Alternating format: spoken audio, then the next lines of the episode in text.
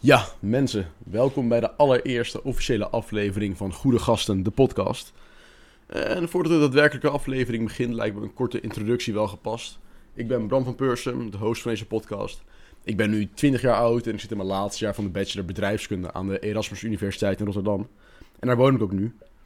En nog daarbij aan toevoegende een kleine disclaimer. Nou ja, dit is mijn eerste podcast, mijn eerste aflevering die online komt. En ook als interviewer ben ik nog niet zo heel erg ervaren. Dus uh, als er wat kleine foutjes of inconsistenties in zitten, vergeef het me AUB. Ik probeer ook uh, per aflevering daarin beter te worden. En um, nou ja, om nog even door te gaan op deze podcast zelf. Ik ben deze podcast begonnen door mijn studie eigenlijk. Ik had tijdens de studie bedrijfskunde vaak het gevoel dat naast alle theorie en modellen de praktische kant van het verhaal een beetje ontbrak. En in deze podcast ga ik in gesprek met ondernemers, maar ook andere interessante figuren over wat zij nou hebben geleerd als ondernemer. Of wat ze hebben geleerd in een specifiek vakgebied. En wat ze hebben geleerd als persoon zelf. En daar valt denk ik nog wel heel veel van te leren. Dat is ook wel meteen een mooie brug naar de gast van vandaag. Vandaag de gast is uh, Robert Barnhorn. En Robert heeft het bedrijf Spark Design Innovation opgezet. En je zou Robert en de mensen bij Spark een beetje kunnen typeren als uitvinders. En ja, de term uitvinders spreekt natuurlijk heel erg tot de verbeelding bij mensen. Mensen denken meteen aan een soort Willy Wortel die in zijn eh, garage een vliegende auto aan het bouwen is. En die vergelijking gaat natuurlijk niet helemaal op. Maar toch wel een beetje, en dat is het leuke. Want Robert heeft samen met zijn team daadwerkelijk meegewerkt aan 's werelds eerste vliegende auto, de PLV. En dat is natuurlijk een heel gaaf en futuristisch project. En daar gaan we het in de podcast ook nog uitgebreid over hebben. Maar naast dat ze echt bezig zijn met het omzetten van een idee tot een product, zijn ze bij Spark ook heel erg bezig met van oké, hoe kunnen we dit idee tot een succes brengen? Dus in welke markt komt dit product? Wat zijn onze concurrenten? Wat zijn onze klanten? Dus het hele proces van idee tot een succesvol product, daar zijn ze bij Spark heel erg goed in. En daar kan Robert, vind ik, op een hele leuke en enthousiaste en leerzame manier over vertellen. Dus ik wil jullie niet langer ophouden en bij deze veel luisterplezier. Welkom bij Goede Gasten, de podcast. Vandaag de gast uh, Robert Barnhorn. Hij studeerde Industrial Design Engineering aan de Technische Universiteit in Delft. Uh, toen enkele jaren als hoofd van Research and Development gewerkt bij Lopital. En misschien wel het belangrijkste in 1997 start hij het bedrijf Spark Design and Innovation. Het is nu al meer dan 25 eh, jaar geleden. Robert, welkom. Hartstikke leuk dat je er bent. Nou, dankjewel. Jij ja. ook welkom hier. Ja, ik heb net al... ja, precies. Ja, we zitten nu op kantoor uh, bij Spark, een hele leuke locatie. Uh, ik heb net al even genoemd het bedrijf Spark dus. Zou je misschien aan de luisteraars kunnen uitleggen wat jullie precies doen als bedrijf? Natuurlijk. Spark is een productontwikkelingsbureau en wij ontwikkelen samen met onze opdrachtgevers producten van allereerste idee, van uh, visie tot en met realisatie, productie. Het zijn producten die vaak uh, uh, seriematig geproduceerd kunnen worden voor ja. verschillende segmenten, vooral voor de gezondheidsindustrie, de health, de industrie, IoT, robot. en dan doen we de integrale productontwikkeling. Dat doen we hier met een team van ongeveer 30 mensen. En, en een hele grote uh, club van kennisleveranciers, toeleveranciers. Ja. ja, want en ik, misschien ga ik een beetje nu chronologische ja, volgorde aanhouden. Want ik wil misschien ook nog wel verder terug naar je studententijd. Ja. Je studeerde dus Industrial Design aan de Technische Universiteit. Ja, toen heette dat industrieel ontwerpen ah, ja, uit de TU Delft. Want had je toen al een beetje idee als student uh, lang geleden wat je wilde gaan doen later? Nee, totaal niet. Nee, nee, nee. Helemaal, helemaal geen idee? Nou, natuurlijk een, een beetje wel. Maar mijn droom was altijd, was, was niet zozeer direct ontwerper worden. Was vrij, want die studie was nog vrij nieuw. Die was niet echt bekend op dat moment. Nu is het een hele uh, bekende, populaire studie. Maar op dat moment, die jaren, had nog bijna niemand ervan gehoord. Mijn doel was trouwens, ik wilde piloot worden. Ik, uh, dat is niet gelukt, mijn ogen waren niet goed genoeg. Maar ik was wel, ah. aan, het, ik was wel aan het zweefvliegen. Ja. op Gils rijden. En daar zijn, toen ik hoorde dat ik geen piloot kon worden, zei iemand van, maar wat vind je dan leuk? En toen dacht ik bij mezelf, nou ja, toch wel... technische principes, het tekenen, al dat soort dingen. En die zei toen tegen mij, ken je de, de opleiding industrie ontwerpen? Ja. En toen ben ik daarachter gekomen van, hé, hey, er is zo'n opleiding. En dat ben ik op dat moment gaan doen. En had je, had je Niet wetende dat ik daarna nog een keer, helemaal verderop, nog een keer wel met, met een eigen uh, vliegende auto zou gaan maken. Ja, ja dat is toch wel dat, dat, dat, dat kan toch heel lang. Dat je dan je eigen uh, vliegende voertuig maakt. Ja, want ik vind dan van die studie, tegenwoordig hoor je steeds meer uh, een soort ja, tegengeluid kan je het misschien wel bijna noemen. Van heel veel mensen zeggen, ja, je studie wordt steeds minder belangrijk. Begin maar gewoon voor jezelf en, en leer het op die manier. Dat hoor je, dat hoor je heel veel tegenwoordig vooral onder jonge mensen. Hoe was het voor jou? Heb jij veel aan, aan je studie gehad? Ja, absoluut. Nou ja, in het begin zeker. Kijk, uh, industrieel ontwerp is een hele brede studie. Wat je net zegt van is bij heel veel studies, die zijn breed. Ja. Dus om jezelf algemeen Ja. te ontwikkelen. Eh, ik zelf denk dat, je, dat het heel belangrijk is om te ontdekken waar liggen jouw talenten. Wat zijn jouw specifieke, eh, eh, wat vind je leuk, waar ben je goed in. En dan kun je in, je verschillende studies kun je je daarin ontwikkelen. Natuurlijk is het, heeft dat heel vaak te maken met het onderwerp waar je mee bezig bent. Eh, bij het industrieel ontwerpen is ook zo'n brede studie. Als je het hebt over de, de, de, de, de strikte productontwikkeling, dan ben je heel vakgericht bezig. Ja, mijn rol nu binnen Spark is eigenlijk heel anders. Ja. Ik doe alleen maar dingen waar ik niet voor opgeleid ben. Ja. En dat heeft te maken met, met strategie, met management, met, met, met, met de, hele accountancy eromheen, Ja. dat soort dingen. Ja, precies. Want eh ja, Spark staat dus nu al ja, wat 25 jaar, meer, meer zelfs. Dat is gewoon ouder dan wat ik. Ik ben 20, dus dat is voor mij een hele ja, lange tijd. maar tijd gaat vanzelf. Dus. Maar wat, je nu zelf al zegt, vind ik wel interessant. Dus jouw rol binnen het bedrijf is misschien wel heel erg veranderd. Eh, ja, dat heeft ook te maken met, met hoe groot je bent als on- onderneming daarbinnen. Ja. En, en, en wat je zelf ook leuk vindt. Ja. Ik bedoel, op een gegeven moment kun je daar natuurlijk ook, ook, ook eh, een bedrijf naar vormen, en je eigen rol naar vormen. Waar jij denkt van wat goed is. Ja, bij mij, ik, ik merk het zo bij Spark, zijn de ontwerpers en de mensen eh, in hun vakgebied zo goed. Ja. Daar heb ik Ja. aan toe te voegen. Die zijn veel beter dan ik. Eh, eh, ik kan beter andere dingen gaan doen vaak. Dan, en die ook gewoon heel belangrijk zijn voor een bedrijf. Dan die Ja. hele integrale productontwikkeling. Want daar moet je gewoon echt, echt dedicated op zitten. Dan moet je echt gewoon doen en blijven doen. En op kunnen focussen. En, en de rol die ik heb is meer in de breedte en naar buiten toe, extern. Ja, dat is gewoon een andere manier van, van, van ja, toch wel je, je, je beroep uitoefenen. Ja, want en daar ben je dus inderdaad, nu heb je meer een rol waarvoor je inderdaad geen opleiding hebt gedaan eigenlijk. Daar ben je zo ingegroeid. Nou, nou, bij wijze van spreken. De opleiding is natuurlijk de basis. En die basis heb je nodig. En natuurlijk, omdat wij eh, productontwikkeling doen, is het wel fijn dat ik daar dus de opleiding voor heb. En heel veel ervaring in heb. Ja. Eh, maar- en dan kun je dat gaan uitbreiden. En ook met eh, dingen buiten je comfortzone. Ja. En, en verder leren en ervaringen opdoen. En dat moet ook. En ik was ook wel, wel benieuwd, want ik kan me voorstellen dat je voor het bede- het bedenken, of in ieder geval het omzetten van een idee naar een echt fysiek product, dat je daar best wel wat creativiteit voor nodig hebt. En gewoon Absoluut. een hele frisse, frisse mindset misschien wel. Absoluut. En tegenwoordig heb je steeds meer dat bedrijven hun hiërarchie aanpassen van een hele duidelijke corporale hiërarchie Ja. naar meer flat down om creativiteit, Absoluut. innovativiteit te, Ja. te stimuleren. Hoe, is dat, hoe doen jullie dat? Hebben jullie daar een manier voor? Ja, de, de- nou ja, een manier. eh, eh, eh, er zijn allerlei manieren en Ja. structuren en processen en, en, en die kun je toepassen. En, natuurlijk hebben wij daar allerlei, en tegenwoordig helemaal van Agile naar Scrum kun je allerlei methodes toepassen.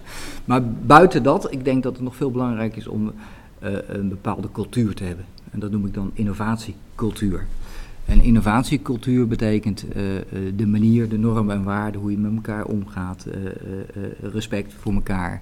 Eh, eh, eh, dat heeft ook te maken dat iedereen daarin mee kan doen. Ja. En dat er niet per.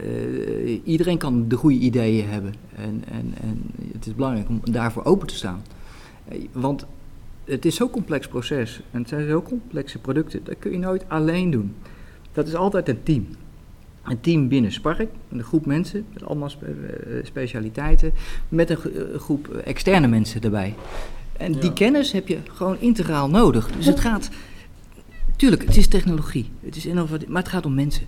Uiteindelijk is de bottom line mensen. Hoe je met elkaar communiceert, wat je, waar je open staat voor anderen, geen kennis achterhouden, geen politiek. eh, en dat is innovatiecultuur. En alleen dat, als je dat, die cultuur binnen je organisatie, binnen je ontwikkelingsteam zodanig hebt ontwikkeld, dat, dat, dan kun je meerwaarde bieden. En kun je, en kun je het Ja. verschil maken. En als dat niet zo is, ja, dan, dan, dan, dan ben je of veel langer bezig, of de beste ideeën komen niet, of mensen die, die kappen ermee. eh, eh, eh. je gaat het niet redden in deze hele Ja. complexe wereld. Ja, nu hebben jullie best wel een breed scala aan producten. Van bijvoorbeeld de PLV, nou ja, de vliegende auto, tot eh, nou ja, eh, een zorgrobot. Dus dat is best wel breed eigenlijk. Maar heb je ook wel eens dat je een project eh, niet aanneemt omdat het misschien te risicovol is? Of ja, gewoon te complex? Zeker. Eh, de, de breedte van het. eh, de, eh, ja, goed, bij ons op de website sparkdesign.nl, moet ik even zeggen.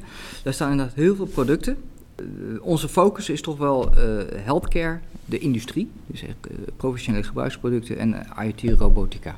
Dat zijn de richtingen. En, en, inderdaad, we hebben ook inderdaad een, een project ontwikkeld, of daar zijn we mee begonnen destijds, als de Pelvi. Dat is een vliegende auto, maar dat is meer omdat ja, helemaal in het begin van dat project, ja, ik ben ermee begonnen in 2000, zo lang is dat geleden. Toen waren we, we hadden al met een relatie van mij, waren we betrokken bij de ontwikkeling van de Carver. En toen uh, nou ja, uh, was het vrij logisch om daarna die Carver als basis te gebruiken voor die Pelvi. Uh, driewieler kantelen en een, een gyrocopterprincipe daarop. Maar dat is ontstaan omdat ik, ja, toen, ik was ook bezig met vlieglessen. En ik had zoiets van, ik kom een uitvinder tegen, John Bakker. En die, die had dat idee. En daar hebben we nou ja, een subsidie op aangevraagd. Een Nederlandse subsidie van 10.000 gulden was dat nog. Toen konden we eerst de ontwikkelingsslag maken met het model. En daar kregen we zoveel publiciteit omheen. Maar toen is het wel tien jaar lang een zoeker geweest naar echte investeerders. Uiteindelijk is dat Pelvi geworden en hebben wij bij die Pelvi One best wel veel eh, ontwikkelingswerk gedaan. Ehm, maar dat is gewoon, ja, dat is ontstaan eigenlijk uit de, uit de hand gelopen hobby een beetje. uh, uh, niet zozeer dat daar een duidelijke marktbehoefte voor was, of dat, dat, dat, dat, dat, dat de wereld op dat moment daarop stond te, te wachten. Tegenovergesteld, iedereen lacht ons helemaal uit daarin. Dit, dit, maar ik vond het gewoon zelf een heel inspirerend idee. En, technisch was het best wel redelijk goed mogelijk. Um, um, ja, en, en dat is wel een uitzondering op ons hele productportfolio. Dus niet zo dat wij uh, alles doen. Die vliegende auto, ja, die kwam toevallig voorbij. En dat is een kans. En dat is, uh, dat is ook des Sparks. Hè, dat wij ook gewoon hele bijzondere dingen, die, waarvan wij denken nieuw voor de wereld, zal ik maar zeggen, die mensen niet aandurven. of dat je hebt je wel zoveel integrale kennis voor nodig. Dat vinden wij uitdagend. Dus dat doen we ook. Dat is niet de, de basis, maar dat doen we ook. En, en, natuurlijk krijgen we ook wel dingen op ons af eh, waar, waar we van een aantal keren, eh, niet alleen omdat we te druk hebben dat we nee moeten zeggen, maar vooral ook omdat we niet achter een product staan. En dat heeft bijvoorbeeld te maken met producten voor de defensie. Uh, We hebben wel een aantal aanvragen gehad voor de defensieindustrie. Toen hebben we als team gewoon bij elkaar gezeten van wat vinden we hier nou van? Gaan we dit nou doen? Ethisch, ethisch, puur ethisch. Dus het is inderdaad de vraag van, van, van, van ga je dat ethisch doen? Staan wij hier achter? En, en, ja, en dan wordt het best wel een, uh, wat is goed? Kijk, als het voor onze eigen jongens is, uh, ja prima. Maar die worden ook voor de, de vijand ook gebruikt. Als je gaat schieten met dat soort dingen, dat vonden we te ver gaan, hebben we niet gedaan. We hebben bijvoorbeeld wel een keer uh, mee ontwikkeld met nachtkijkers, dat wel. ja, kun je denken van ja, dat ons mooi jongens te helpen, maar die komen ook ergens anders terecht. Maar er zijn ook, ook bijvoorbeeld voor een, we kregen een keer een opdracht voor een ontwikkeling van een automaat. Ik, volgens mij was het in Zwitserland, Oostenrijk. Daar kon je mee pinnen, maar daar kon je ook op gokken. Die, kon, dat was, dat was daar, die kon je dan ergens neerzetten en dan kon je dus gewoon in de openbaar en dan kon je dus geld pinnen, maar dan kon je ook op gokken. En toen had ik gezegd, ja, dat kunnen we ook niet maken. Dat is ethisch niet verantwoord, dat mensen zo makkelijk kunnen gaan gokken. En ook, ook wel een keer, een, uh, kwam speciaal uit het buitenland, kwam iemand hier en die wilde een apparaat ontwikkelen om heel snel joints te kunnen maken. In no time. En dat maakte hij al voor de Amerikaanse markt. Dat was de ja. net vrijgegeven. Daar had hij al een grote markt voor. Nou wilde hij het, dus dat was voor de, voor de, de, de, de, de dealers, zal maar zeggen. Toen wilde hij een consumentenproduct maken, dat je heel snel... Ja, toen hebben we ook gezegd van, dat kunnen we niet maken. We zijn met gezondheidsproducten bezig en dan ben je gewoon mensen weer verslaafd aan het maken. Nou, dat was echt, echt, echt, echt, echt voldoende middelen om gewoon een luxe product te maken. Dat was kerstmis binnenkort, voor de cadeauverpakking. En dat moest echt geweldig worden. Maar uh, uiteindelijk gezegd, dat doen we gewoon niet. Er zijn natuurlijk best wel wat mensen die eens idee hebben voor een product waarvan ze denken, nou ja, dit zou best wel eens een heel, heel goed idee kunnen zijn. Dus dan, dat wordt heel moeilijk om, om zoiets dan klaar te spelen? Uh, nou, idee tot een fysiek product? Uh, laat ik zo zeggen, uh, als je dus een hele rijke familie hebt... Ja. en mensen wil je heel graag sponsoren, dan heb je best wel kans. Ja. Uh, want ik, ik uh, toen wij meededen met het beste idee van Nederland, als, oh. als, daar hebben we meegewerkt, maar, maar meer als maakindustrie. Wij hielpen die mensen met die ideeën mee naar producten toe in die tijd kregen we ook heel veel bezoek van uitvinders. En toen hebben we op een gegeven moment ook hier gewoon eh, moeten zeggen van jongens, uh, daar kon je gewoon, daar, gewoon dagenlang mee bezig zijn. met alle mensen met ideeën die langskwamen. Toen hebben we gezegd van, nou, en, en de meeste mensen dachten echt van, van uh, Spark, ik heb een heel goed idee. Als jullie dat gaan ontwikkelen en in de markt zetten, dan krijg, ja. krijgen jullie inderdaad een paar procent van de opbrengst. Nou ja, dat is wel even aangekeken zo van, ja, dan moeten we echt gaan uitleggen hoe het proces werkt. Maar een product ontwikkelen is heel complex en heel duur. Er gaat tonnen in zitten in het begin. En, dan moet je, en, en het is keihard werken. En, en, en, en zorgen dat het uh, uh, succesvol in de markt komt. betekent dat je dag en nacht erbij bezig moet zijn. Dus tuurlijk, iedereen kent de successen. Maar dat zijn er maar een paar. Echt, de, de legio productideeën die halen niet eens naar productie. Die sneuvelen halverwege. Gewoon omdat dat heel complex is. En dat, dat mensen de middelen niet hebben om door te gaan. Dus het, het is altijd ook... Daarom zijn iedereen ook op zoek naar investeerders. Ja. En dit is best wel risicovol, dit traject. Dus, dus wat investeerders vaak zoeken, uh, informals zijn dat vaak. Uh, dus als je dus zelf met een productidee hebt en je wil dat naar de markt brengen, en je hebt niet de middelen, de hele rijke familie die eindeloos jou wil steunen daarin, dan ga je op zoek naar investeringen. En dat kan inderdaad met, met crowdfunding. Sommige producten zijn daar geschikt voor. Ja. De meeste producten niet, sommige wel. Maar vaak zijn mensen op zoek naar investeerders informals die meegaan denken. Uh, uh, uh, en dat is het begin is dat best wel risicovol kapitaal. Maar waar investeerders naar kijken zijn eigenlijk drie dingen. Dat, en dat geldt ook voor als je zelf een product op de markt wil zetten. Dat is het IP. Heb je dus iets waar je een goed patent omheen kan maken. Ja. Dus je moet een goed patent hebben. En waarom is dat belangrijk? Omdat je kan opschalen. Ja. Dus dat is niet zomaar, je, je, bent op de markt, er komt iemand die gaat het ook doen. En je moet opschalen. Goedkoper misschien dan... Goedkoper, et cetera. Maar uiteindelijk als je dat hebt, moet je toch een brand bouwen. Dat is je eigen waarde. Dat. Maar je moet dus die IP hebben. De investeerder kijkt naar de, de, de, de, de uitvinder. Is dat een goed ondernemer? Dus de persoon, mhm. echt de persoon. Is deze man of vrouw, gaat die er een succes van maken? Gaat hij er echt voor nou ja, voor strijden om er een succes van te maken. Want dat is, dat is gewoon keihard werk. Maar dan heb je IP, dan heb je de ondernemer. En zo investeerder kijkt ook naar team. Is er een groep mensen, want je hebt, dat kan nooit iemand alleen doen. Is er een groep mensen, voldoende kennis, ervaring, talenten. om dit product zodanig te ontwikkelen dat het echt geweldig wauw is. En ook voor de juiste prijs gemaakt kan worden. En dan zit je wel bij Spark, bij de kern. Dat, die team, dat team, wat die investeerders, dat zijn wij. En natuurlijk, uh, een investeerder wil ook vaak dat, dat, zien dat wij ook mee investeren daarin. Skin in the game noemen ze dat. Omdat het ook vertrouwen geeft. Als Spark erin gelooft, ja, dan ga ik er ook wel mee. Dan, dan heb ik ook vertrouwen. Ja, nou ja, jij hebt dus nou ja, heel veel ervaring in, in productontwikkeling. Maar, maar stel, een van de luisteraars zit thuis en heeft een idee. Heb jij nog bijvoorbeeld tips uh, hoe je dat idee tot uiteindelijk succesvol tot een fysiek product kan brengen? Um, nou, iedereen heeft wel ideeën. Uh, Wij hebben voor ons, kijk, voor ons uh, zeggen mensen, mensen vragen ook wel ons van, van, van, waarom heb je niet veel meer zelf ideeën in, in productie zelf bedacht? Ik weet hoe complex het is, hoe duur het is en hoe de kans het is dat het, dat, dat het succes wordt. natuurlijk, kijk, wij zitten vaak, wij zitten gewoon nog even een stapje hoger, wij zitten vaak in niche-markten. En onze opdrachtgevers zijn vaak de wereldmarktleider in hun niche. Dus dat zijn hele specialistische producten. Bijvoorbeeld voor een bedrijf wat producten maakt voor uh, blinden, slechtzienden. Mm En wij een braille leesregel gemaakt. Dus dat is een vrij klein, compact product. En dan kunnen mensen met een leesregel, met braille cellen, waar je elektronisch die, nou, die, die, die puntjes omhoog en omlaag gaan. Ah, kun je aansluiten aan een computer of aan een telefoon. En dan kun je sms-berichten of je e-mailberichten kun je in braille uitlezen. Gewoon helemaal compleet digitaal. Dat is de, ja, de, de monitor, zal maar zeggen. Ja. De beeldscherm voor blinde mensen. En dat ziet er helemaal paars, heel mooi fancy ziet dat eruit. Omdat zien de mensen het vaak kopen. Uh, tussenstap daarin, uh, uh, wij waren dat aan het ontwikkelen. En als ziende ontwerper denk je van, nou, ach, dat kunnen wij wel. En we hebben testmodellen gemaakt. En die hebben we uitgetest met, natuurlijk met blinde mensen. Wat, die, wat ze tegen ons zeiden is van, je hebt een lelijk design gemaakt. En de blinde mensen blinde zei tegen je, en ze hadden helemaal gelijk, hè? lelijk design. Want design, dat is look en feel. Zij, zij kijken met de vingertoppen. Dus zij voelen gewoon inderdaad waar, waar zitten de details, hoe loopt het. En dat heeft direct impact ook hoe het eruit ziet. Dus we hebben dat helemaal omgegooid. En nou ziet het er ook veel beter uit, maar het voelt vooral veel beter. En dat is die acceptatie voor deze doelgroep. Maar waar ik over begon, dit is een hele niche-markt. Echt een niche-markt. Maar onze opdrachtgever verkoopt deze dingen wereldwijd. Dus, dus in deze niche zijn zij de wereldmarktleider. Uh, maar dat betekent dus, het zijn niet mega aantallen, maar het moet allemaal gecertificeerd zijn. De kostprijs is belangrijk.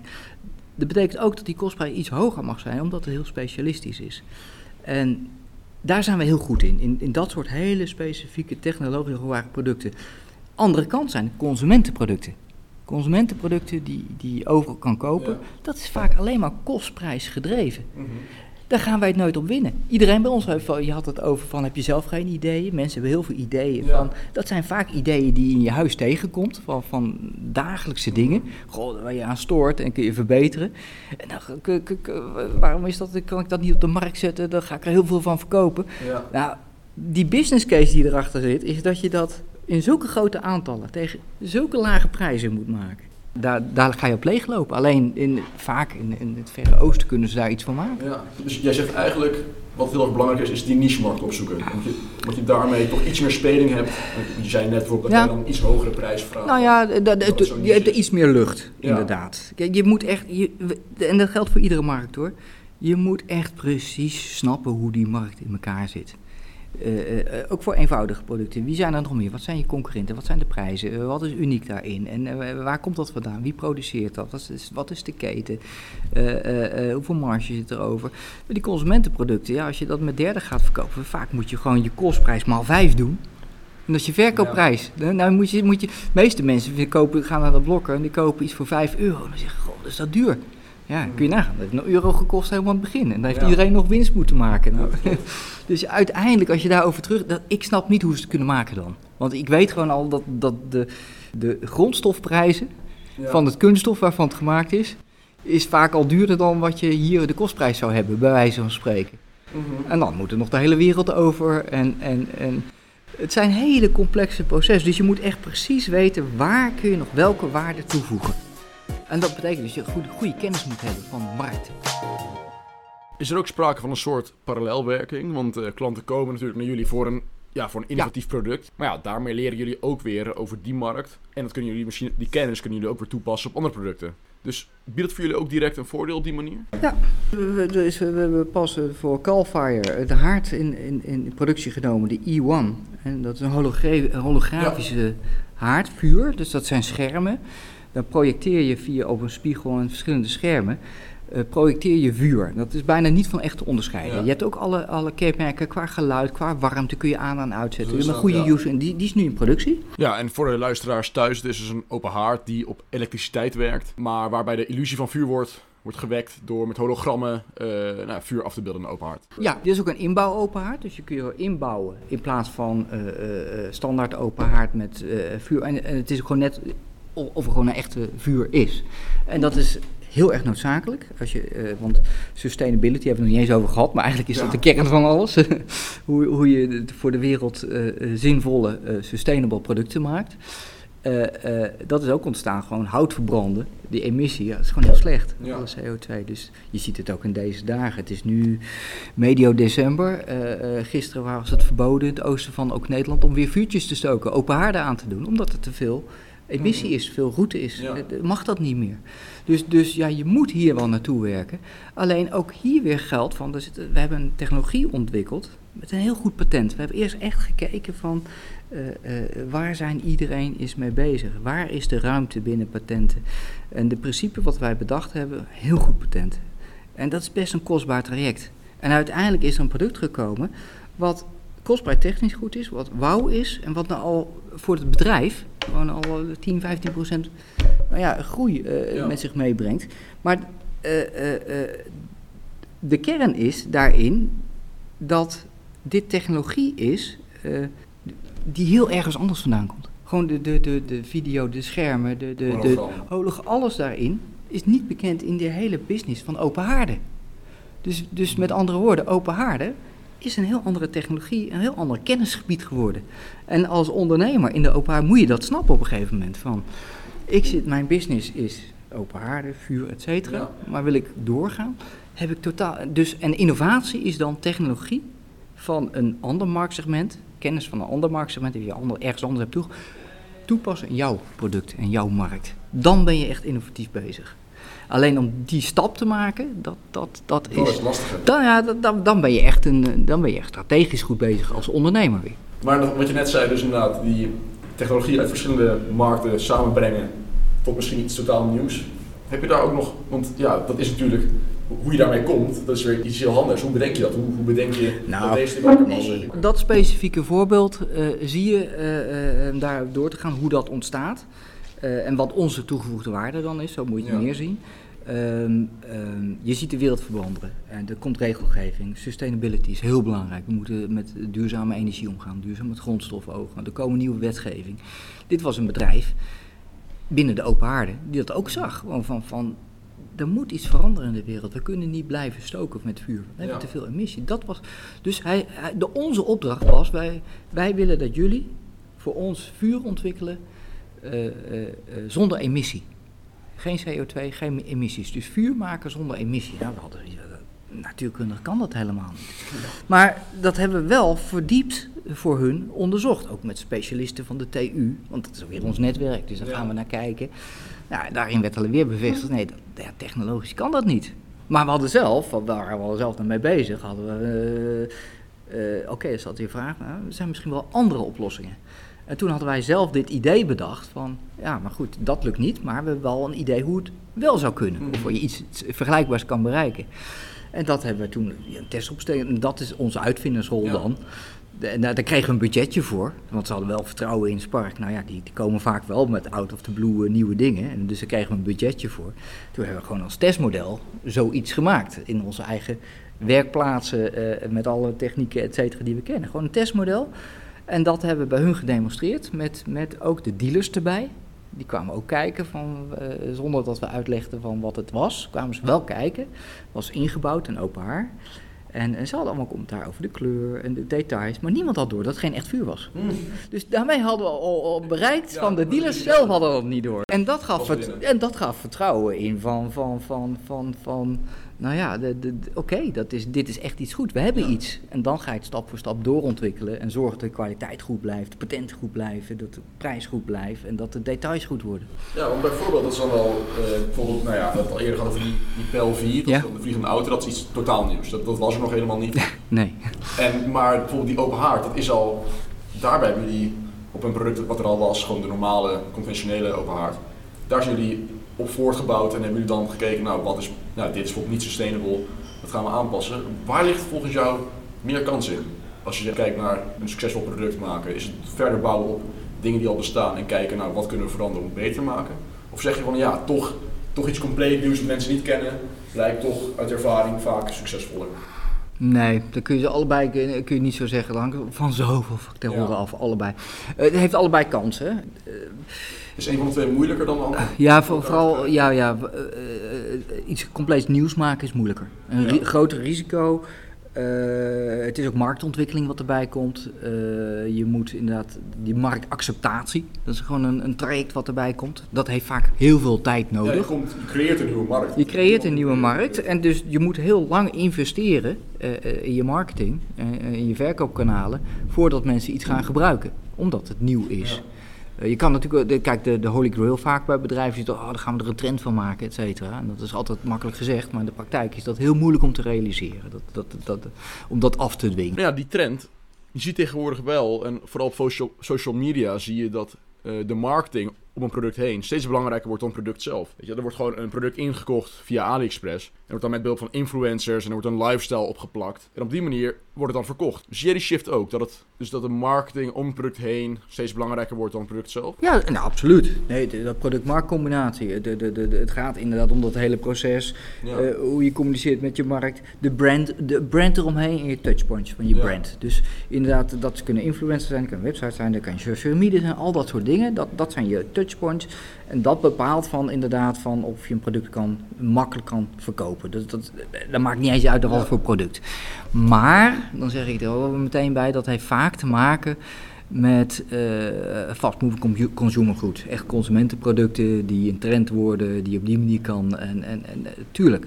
Maar dat is de branche waar wij niet in zitten. Want ik vind dat eh, dat AliExpress, eh, Ali- iedereen koopt alles uit de hele wereld. Het is belachelijk dat, dat we gewoon voor plastic dingetjes van een paar cent, die worden Ja. de hele wereld, daar moeten we juist vanaf. Mhm. Het, het, het, het gaat erom, eh, om duurzame modellen te vinden. En duurzaam niet alleen eh, eh, eh, eh, sustainable voor milieu, zullen we zeggen, maar ook duurzaam voor lange termijn Ja. business. Eh, eh, eh, brands ontwikkelen en daar kun je van alles omheen gaan bouwen. En, en, en het feit dat we zoveel goedkope rotzooi produceren en, en, en, en de hele wereld rond pompen. eh, ja, Ja. Wij zijn ook bezig met de Ocean Cleanup bijvoorbeeld. Ja. dus, dus daarin krijgen we ook wel wat insights mee van allerlei dingen. eh, onder andere van, van de stromen, wat gebeurt met die kunststoffen, eh, et cetera. Maar ja, dat, dat, dat, dat, je schrikt er echt van. Ja, mensen kiezen toch nog heel vaak voor de goedkoopste optie. Absoluut. We zijn mensen. Is dat ook vaak het moeilijkste bij een project? Het eh, enthousiasmeren van potentiële investeerders? Ja, eh, je ziet ve- veel bij start-ups, die hebben altijd investeerders nodig. Het Ja. gaat altijd lucht, je hebt lucht nodig. Om, om, om, en je kan nog, eh, kijk, het proces kun je heel pragmatisch nog steeds doen hoor. Gewoon snel stappen maken, leren, maar je hebt er lucht voor nodig. Ja, en bedoel je dan lucht met een beetje ruimte om nog links en rechts te gaan tijdens het proces? Of, of hoe bedoel je dat? Nou, lucht, lucht, dat is in de tijd, maar ik bedoel vooral lucht in geld. Ja. Je hebt geld nodig, lucht, ademen, geld, ademen om dingen te kunnen ontdekken, te Ja, doen en door te gaan. En als dat er niet. eh, Het proces kun je zelf beheersen, dat doe je met elkaar. Maar je hebt wel wat lucht nodig om dat te kunnen doen. En in het begin van een proces is dat best pragmatisch. En er zijn het kleine bedragen. Maar hoe verder je komt bij marktintroductie, hoe duurder het ook wordt. Om te investeren in, in eh, productiemiddelen, in detaillering, in testen, testen, testen. Het product wat op de markt komt moet goed zijn. Hè? Het ergste is, gewoon, er zijn twee dingen heel erg. Dat je patent niet goed hebt gedaan. Je komt op de markt en de concurrent zegt van... Ja. hé, hey, dat is ons patent, haal maar van de markt af. En de andere is heel slecht, is van dat je je proces niet goed hebt gedaan. Daar zit een productiefout in. En je moet al je producten terughalen. En het is, eh, dus tijd en geld om dat helemaal goed te krijgen. Want het probleem is, kijk, daarom willen investeerders vaak wel investeren in, in de digitale markt. Gewoon in apps, in websites, in, in, in, in dat soort producten. Waarom? Dat is wat minder risicovol. Dan kun je tot op het laatst, ook al is Kost iets- gewoon minder. Kost minder, ook al is het in productie, dan kun je nog de software aanpassen. Dan doe je Ja. gewoon een update, et cetera. Ja. Dat is, daarom zijn daar best wel heel veel investeerders voor te vinden. Maar in fysieke producten, eh, dingen die gemaakt worden, eh, eh, je hebt een doorlooptijd, het gaat niet goed, je moet terugkopen. Het is gewoon risicovoller. Ja. Dus dat proces is veel complexer. Dus dat kun je ook alleen maar doen als je heel veel ervaring hebt. Ja, ik wil eigenlijk als, als afsluitende vraag, Ja. eh, misschien een beetje algemeen, Ja. maar zijn er nog dingen die jij, ja, jij bent dan heel specifiek bezig met productontwikkeling, met Spark en innovatie. Heb je nog wat algemene tips of lessen die jij hebt geleerd tijdens jouw nu loopbaan als ondernemer, die je zou willen meegeven aan misschien andere beginnende ondernemers of studenten, de luisteraars in het algemeen? Ja, de- eh, natuurlijk heel veel wel. Eh, m- m- op, op heel veel verschillende gebieden ook. Ja, Ehm, dus dat, is, dat, dat, dat eh, vaker komt dat met allerlei cases wat meer naar voren.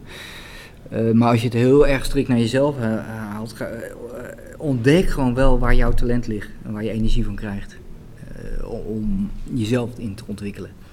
Eh, want dan hou je het op lange termijn het meeste vol, het beste vol. Eh, ga niet alleen maar dingen ontwikkelen waar je heel erg slecht in bent, om- omdat je dat moet ontwikkelen, maar ga gewoon ontwikkelen waar je al goed in bent. Word de Ja. beste daarin. En dan, dan is het ook leuker, eh, waardevoller voor anderen, eh, passievoller daarin en alles. Probeer dat te ontdekken. En, en ja, en, en dat, en- en dat vind ik tegenwoordig wel heel moeilijk met al die studiekeuzes. Er is zoveel, zoveel richtingen. Je hebt geen idee wat je er allemaal mee kan en, en, en hoe de wereld eruit ziet. Dus dat is best wel, ja, pro- het is ook een ontwerpproces. ja. ja en dat, is ontwerp.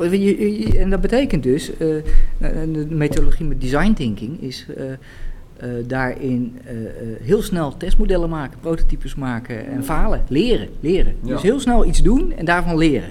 Oh, dat is een verkeerde. Nee, dat vind ik echt niet leuk. Ik ga iets anders proberen. En, en, eh, en, en ligt dat beter? En nou ja, dat, dat, dat is een. eh, ik denk dat je dan een hele steile leercurve hebt in jezelf ontwikkelen. En ook uitkomen wa- wat je wil, uiteindelijk. Nou, dat lijkt me eigenlijk wel een, een hele mooie afsluiter. Dan wil ik je bij deze hartstikke erg bedanken voor, voor je tijd en eh, dat je hier te gast was. Ik denk dat je een heel mooi verhaal met heel veel, heel veel goede dingen hebt verteld. Dus uh, dankjewel. Nou, alsjeblieft, dankjewel voor je komst. Succes.